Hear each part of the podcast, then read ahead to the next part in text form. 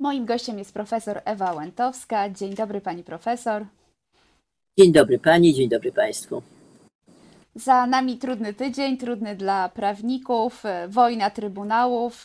W Polsce Trybunał Konstytucyjny versus Unijny Trybunał. Patrzy pani e, na to pole bitewne po starciu trybunałów i kto pani zdaniem wyszedł z tego zwycięsko?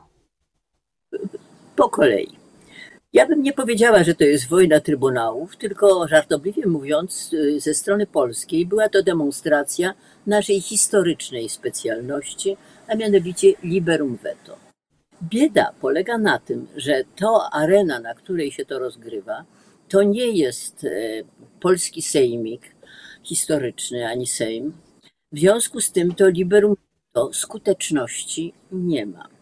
Natomiast myśmy owszem zademonstrowali to liberum veto, bo proszę zobaczyć, jak się układa sekwencja wydarzeń. Najpierw mamy y, do czynienia y, z postanowieniem Trybunału w Luksemburgu, y, zabezpieczenie tymczasowe dotyczące działalności mm, Izby Dyscyplinarnej Sądu Najwyższego.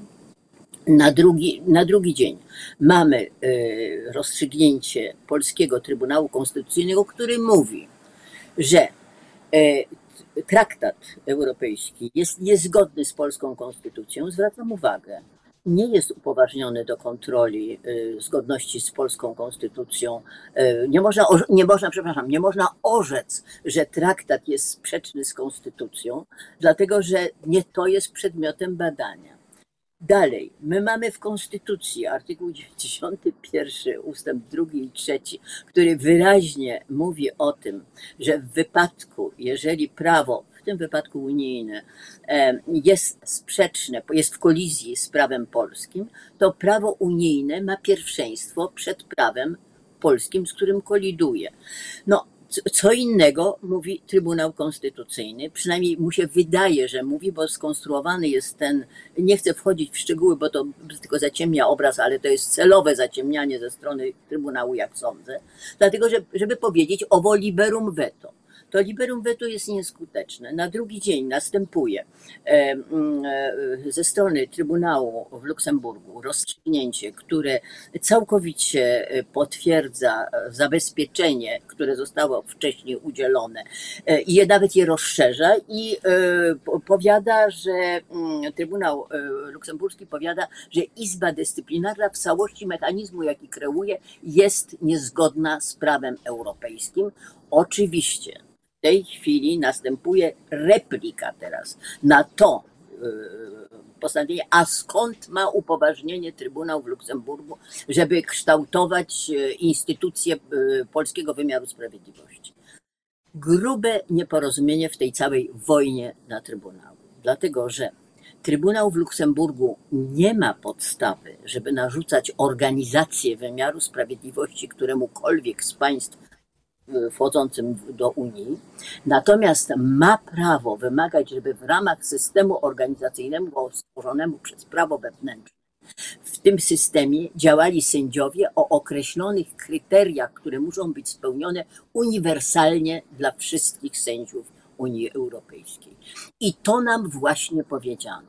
Czyli ani nie potraktowano nas gorzej, jak się to zarzuca, ani nie narzucali się nam żadnego y, określonego sposobu organizacji wymiaru sprawiedliwości, tylko się mówi, sędziowie mają być niezawiśli i niezale, sądy mają być niezależne. Chodzi o sformułowanie pewnych zasad odnoszących się do funkcjonowania Unii i jej relacji z, ze zrzeszonymi y, państwami. I teraz zawisła znów w Trybunale Konstytucyjnym ma być trzeciego rozstrzygnięta kolejna mhm. sprawa o wyższości, czy prawo europejskie, czy prawo krajowe. Otóż ten spór znów jest rozstrzygnięty zarówno przez polską konstytucję, wspomniałam w artykule 91 ustęp drugi i trzeci, Zwracam uwagę, że Trybunał Konstytucyjny nie ma prawa orzekania o konstytucji, czy ona jest zgodna z konstytucją. No więc tego, tego, tego akurat przepisu nie kontroluje. Więc mamy do czynienia, pani wspomina, wojnie trybunały. Nie, my mamy do czynienia z pewną grą propagandową, jak sądzę, której zadaniem jest wykreowanie wrażenia, że my możemy powiedzieć, odrzucić, bo my rzeczywiście robimy w ten sposób z tym, co robimy.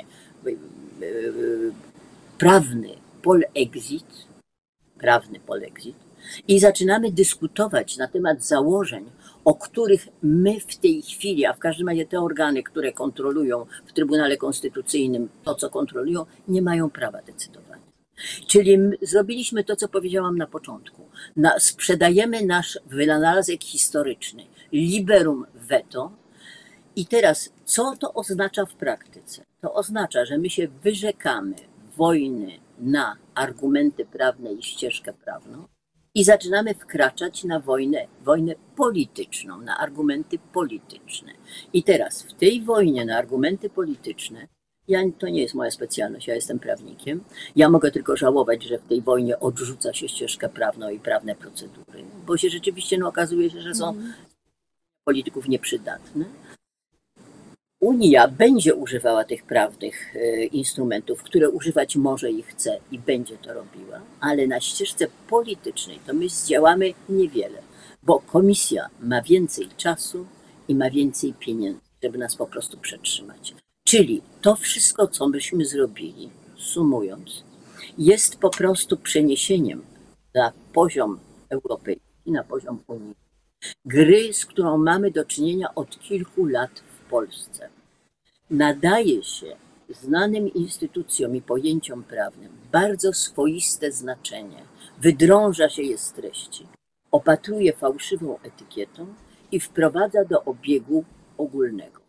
Oczywiście z tego mamy to, w czym w tej chwili funkcjonujemy ogromny chaos.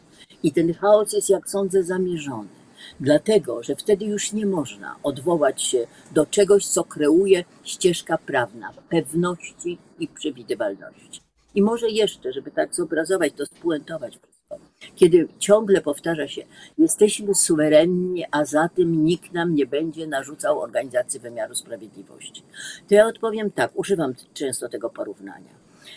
My, to jest tak jak budowa samochodu niech on ma jaką, jakiś chcieć e, wygląd zewnętrzny, karoserię, budowę silnika, no może być też różna, ale na przykład zewnętrzne e, znamiona, ile może zanieczyszczać, jakie ma normy zanieczyszczania powietrza, to już się narzuca. I dokładnie narzuca się z góry. I dokładnie to samo powstało w, w rozstrzygnięciu sporu um, dotyczącego polskiego wymiaru sprawiedliwości Niech on będzie jaki chcecie.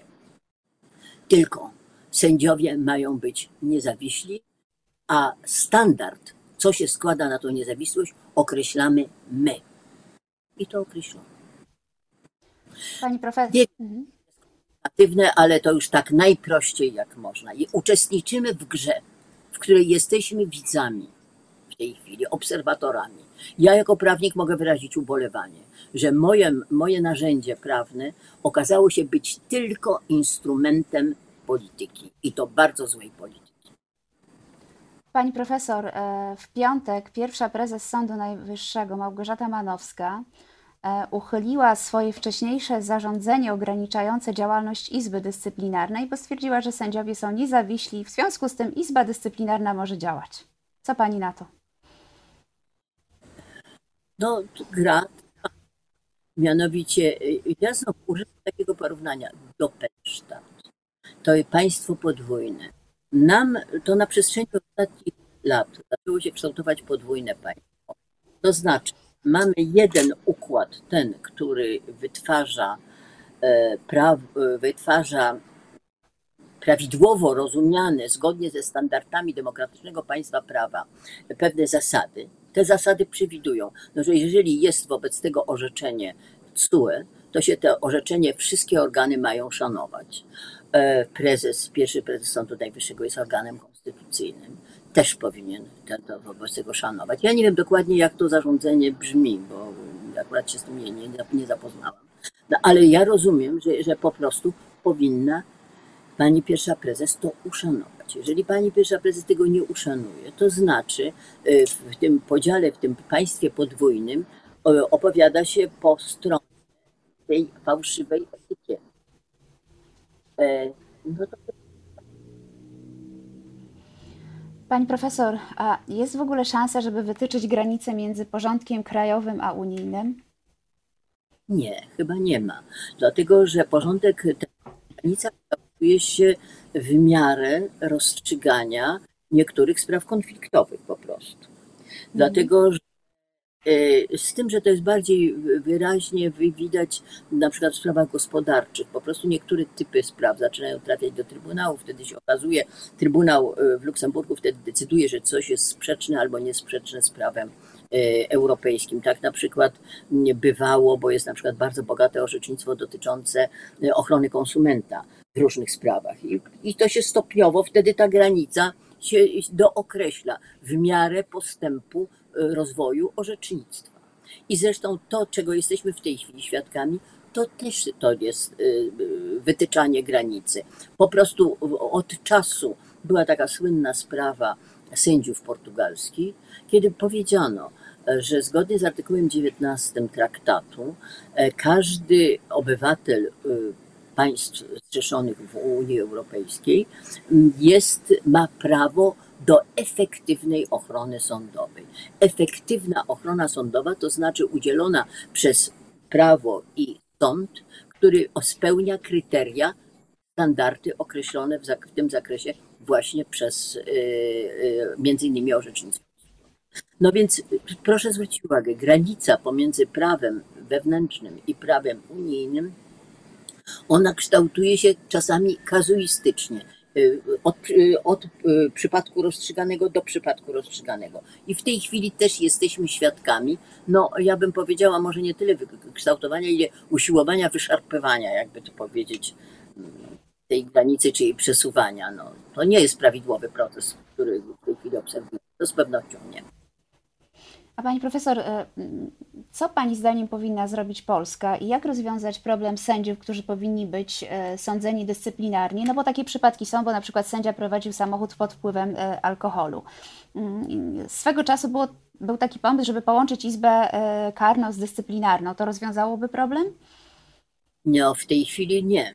Dlatego, że, dlatego, że generalnie to jest w ogóle, generalnie rzecz biorąc, problem w tej chwili, jak uregulować na nowo, jeżeli odrzucamy tę koncepcję odpowiedzialności, która jest w tej chwili, którą nam powiedziano, że musimy ją inaczej rozwiązać, to jest zadanie dla ustawodawcy. I ustawodawca w tej chwili powinien powziąć taki wysiłek. Teraz, jak go rozwiąże, to ja tego nie mogę przewidywać. Ja mogę się tylko obawiać, że jeżeli nie ma woli lojalnej współpracy po to, żeby zaproponować jakieś rozwiązanie, które jest bardziej e, no, odpowiada temu, co, co nam powiedziano ostatnio w, w Luksemburgu, no to wtedy, wtedy możemy mieć nadzieję, że to będzie jakoś rozwiązane przyzwoicie. Natomiast ja nie wiem, no w tej chwili powinien zareagować ustawodawca. Dlatego, że no, ale... rzeczywiście jest Sami sobie zafundowaliśmy sytuację, której mamy do czynienia, no powiedzmy, no sędzia jedzie po pijanemu, no to, to, to są się zdarzają. No i powinien wobec tego postępowanie dyscyplinarne powinno się toczyć wedle innych reguł. Ja czytałam wypowiedź mm, jednego z sędziów, zresztą Sądu Najwyższego z Izby Karnej, y, bodajże pana Y, no, mówi, że no, należałoby powrócić do dawnego systemu odpowiedzialności y, dyscyplinarnej, tylko że to się nie dokona wtedy, jeżeli akurat kierownictwo Sądu Najwyższego będzie mówiło co innego i nie będzie się chciało podporządkować rozstrzygnięciu TSUE, a z kolei jeżeli ustawodawca nie podejmie żadnych działań. My jesteśmy w sytuacji patowej, tylko nie, my nie mamy czasu, bo nam się pogłębia chaos. A natomiast strona europejska czas ma. I my jesteśmy w gorszej, my mamy gorsze karty, my mamy gorsze atuty, my mamy gorsze położenie, my nie mamy czasu i my mamy bałagan w, w naszym ustawodawstwie dotyczącym postępowania dyscyplinarnego wobec sędziów. No, ze strony ustawodawcy chyba nie spodziewałabym się jakichkolwiek działań, sądząc po tym, co słyszymy z ust premiera Morawieckiego czy od ministra sprawiedliwości Zbigniewa Ziobry. No, raczej e, w najbliższym czasie chyba żadnych zmian prawnych nie będzie. Chaos zatem będzie się pogłębiał. Pani profesor. E, e, my, my, my nie mamy czasu. W czwartek my... Trybunał czwartek unijny Trybunał e, wypowiadał się nie tylko o Izbie Dyscyplinarnej, ale też przyznał rację Polsce w sporze z Niemcami o rurociąg Opal. I to jest bardzo ciekawe, bo e, e, tu akurat Polsce ten wyrok nie przeszkadza. Problem polega na tym, że rozumiem, że pani czyni do komentatorów politycznych, którzy krytykują wyrok dotyczący spraw wymiaru sprawiedliwości, powtarzają znów argument, uwzięto się na nas są stronniczy. No, to akurat, jeżeli tego samego dnia w ważnej sprawie gospodarczej, i tam naprawdę to nie jest spór o pietruszkę, o pęczek pietruszki, tylko o ciężkie pieniądze i to jednocześnie z bardzo mocarnym, mającym dobrą pozycję w Unii, mm, mocarstwem, no to wtedy w takim wypadku akurat nam przyznają rację. No ja nie wiem, no to pewnie prawdopodobnie żartobliwie komentując można powiedzieć, no pewnie dlatego nam przyznali tam rację, żeby ukryć swoje niecne zamiary, które towarzyszyły wyrokowi odnoszącemu się do Izby Dyscyplinarnej Sądu Najwyższego. Ale znów, przecież to jest bardzo przykre, że y, na tyle nie wierzy się w możliwość obiektywizmu sędziów w ogóle i swoich, bo przecież to leży u podstaw tej całej nieszczęsnej reformy, że wierzy się tylko sędziom, tym, których e, władza polityczna uważa za zaufanych. To jest bardzo zła sytuacja, ponieważ władzy powinno zależeć na tym, aby mieć sędziów uczciwych i niezależnych, tacy, takich, którzy się nie boją władzy powiedzieć nie wtedy, kiedy potrzeba. To boją się tych, nie ufają również, że Luksemburg może być, y, może kierować się przekonaniem, że akurat w sprawie tego rurociągu to się Polsce należało, a w sprawie y, Izby Dyscyplinarnej też się Polsce należało. Cóż ja mogę powiedzieć jako prawnik? Ja mogę tylko ubolewać nad tym, że moja dziedzina jest tak po macoszemu, tak instrumentalnie i tak pogardliwie w gruncie rzeczy traktowana. Pani profesor, nie, nie mogę nie zadać tego pytania. Czy pani jako prawnik, jako profesor akceptuje i uznaje ten środowy wyrok Trybunału Konstytucyjnego? Ten wyrok ma bardzo wiele nieprawidłowości. Jest przede wszystkim, przede wszystkim jest problem e, samego, to jest, to nie jest bardzo drastyczne uchybienie, ale za, może od tego zacząć. E, skład. To rozstrzygnięcie zaczepia o problem, który był już rozstrzygnięty w składzie pełnym całych wszystkich sędziów Trybunału Konstytucyjnego, że ja wtedy też orzekałam, bo to jest wyrok z 2005 roku, e, który dotyczył badań, to był problem przy y, wejściu naszym do Unii. Zresztą problem, który zdarzał się y, tak samo w innych krajach, że trybunały konstytucyjne kontrolowały, czy to, do czego chcemy przystąpić, jest zgodne z polską konstytucją, czy nie. To właściwie traktatów oczywiście nie mogliśmy y, sprawdzać, ale sam, sam akt przystąpienia można było skontrolować. I tam wypowiedziano mnóstwo zasad, które byłyby przydatne, gdyby ktoś chciał je respektować. Było to już zrobione. I teraz, jeżeli wobec tego obecnie Trybunał miał ochotę odejść od tego, albo w każdym razie zająć się kontrolą tej kwestii, to ten skład powinien być co najmniej pełny. Nie był. Nie był pełny skład. No więc to jest pierwsza rzecz. Druga rzecz, no, czy on mi się ten wyrok, on jest po prostu nielogiczny, dlatego że on sugeruje, istnienie e, sprzeczności pomiędzy traktatami i e, mm, polską konstytucją. Nie ma czegoś takiego. W każdym razie nie wykazano tego. A po drugie, e, orzeczenie, które orzeka, że traktat jest sprzeczny, no nie ma, Trybunał Konstytucyjny nie może orzekać, bo nie, ani nie unieważni traktatu ani nie unieważni, e, e, bo nie ma prawa kontrolowania aktów CUE, czyli zabezpieczenia też nie unieważni. W związku z tym on ma mnóstwo wad i potem on polemizuje ze sztucznie wykreowanym problemem. Jest to znów, bardzo trudno jest to szerokiej publiczności tłumaczyć, że my mamy do czynienia z pracowicie zbudowanym fantomem sprzeczności pomiędzy polską konstytucją i prawem w tym zakresie Unii Europejskiej w rzeczywistości nieistniejącym w tej sprzeczności. I tylko po to, żeby móc się dobrać, krótko mówiąc, do rozstrzygnięcia Trybunału w postaci postanowienia zabezpieczającego, które nie podlega ocenie, o którym się nie może Trybunał wypowiadać. Także zresztą proszę zwrócić uwagę, wówczas, kiedy sprawdzano, kiedy był problem traktatu akcesyjnego, myśl, sprawdzanie problemu odbywało się w składzie wszystkich sędziów Trybunału Konstytucyjnego.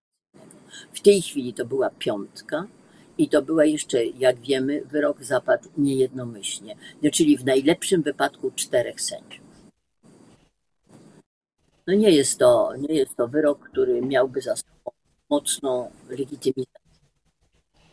Pani profesor, wspomniała Pani o szerokiej publiczności. Ja myślę, że szeroka publiczność nie pozna e, całego aspektu tej sprawy, bo E, ci, którzy oglądają TVP1, nie oglądają wiadomości w TVN-ie i, i odwrotnie, i ten przekaz będzie tylko częściowy w każdą stronę.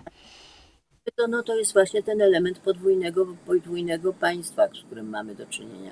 My mamy do czynienia z sytuacją, w której mamy jedną narrację, tą oficjalną o prawie Unii Europejskiej i o polskiej konstytucji, no, w której no, wykształcony prawnik no, nie uczestniczy, znaczy nie uznaje tego dyskursu za y, możliwy do akceptacji, dlatego że on jest oparty na fałszywych, na fałszywych założeniach.